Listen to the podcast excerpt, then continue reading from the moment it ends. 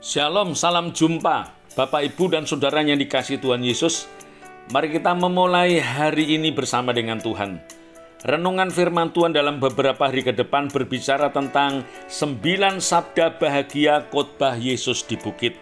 Sabda bahagia yang pertama, Injil Matius pasal 5 ayat yang ketiga.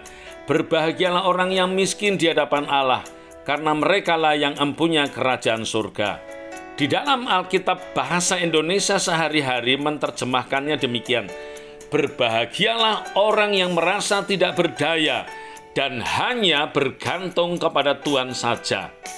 Saudara-saudara, miskin di sini berbicara tentang kesadaran seseorang berdosa yang sangat merasa diri tidak berdaya, tidak mempunyai kemampuan apa-apa untuk selamat Karenanya dia bergantung, dia bersandar dan percaya sepenuhnya kepada Tuhan untuk memperoleh keselamatan, hidup yang sejati dan hidup yang kekal.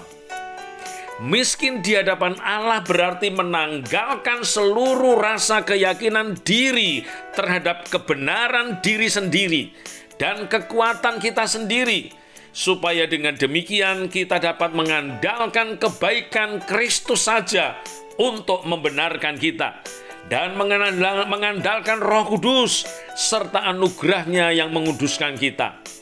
Saudara-saudara, orang yang letih, yang lesu, yang punya beban berat, yang mau datang kepada Yesus, datang dengan penuh kerinduan, pengharapan dan penyerahan mutlak kepada Tuhan Yesus, mereka akan memperoleh kelegaan mereka inilah orang yang berbahagia dan bahkan yang empunya kerajaan sorga. Tetapi orang yang merasa mampu, merasa tidak perlu Tuhan Yesus di dalam hidupnya. Mereka tidak perlu firman karena menganggap diri sudah pandai.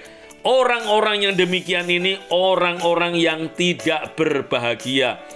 Kalaupun kelihatannya bahagia, tetapi kebahagiaannya sebenarnya semu karena orang yang tidak mengandalkan Tuhan, jiwanya kosong, hampa, gersang, kosong, seperti tanah yang kering, tandus dan tidak berair.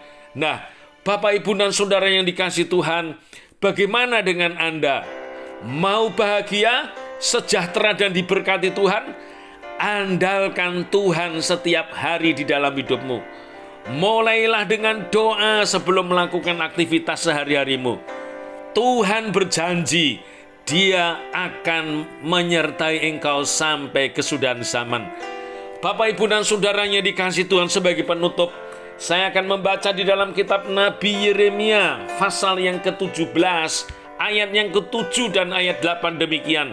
Diberkatilah orang yang mengandalkan Tuhan, yang menaruh harapannya kepada Tuhan ia akan seperti pohon yang ditanam di tepi aliran air, yang merambatkan akar-akarnya ke batang air, dan yang tidak mengalami datangnya panas terik, yang daunnya tetap hijau, yang tidak khawatir dalam tahun kering, dan yang tidak berhenti menghasilkan buah. Demikianlah firman Tuhan. Semangat! Tuhan Yesus memberkati Anda semuanya. Amin.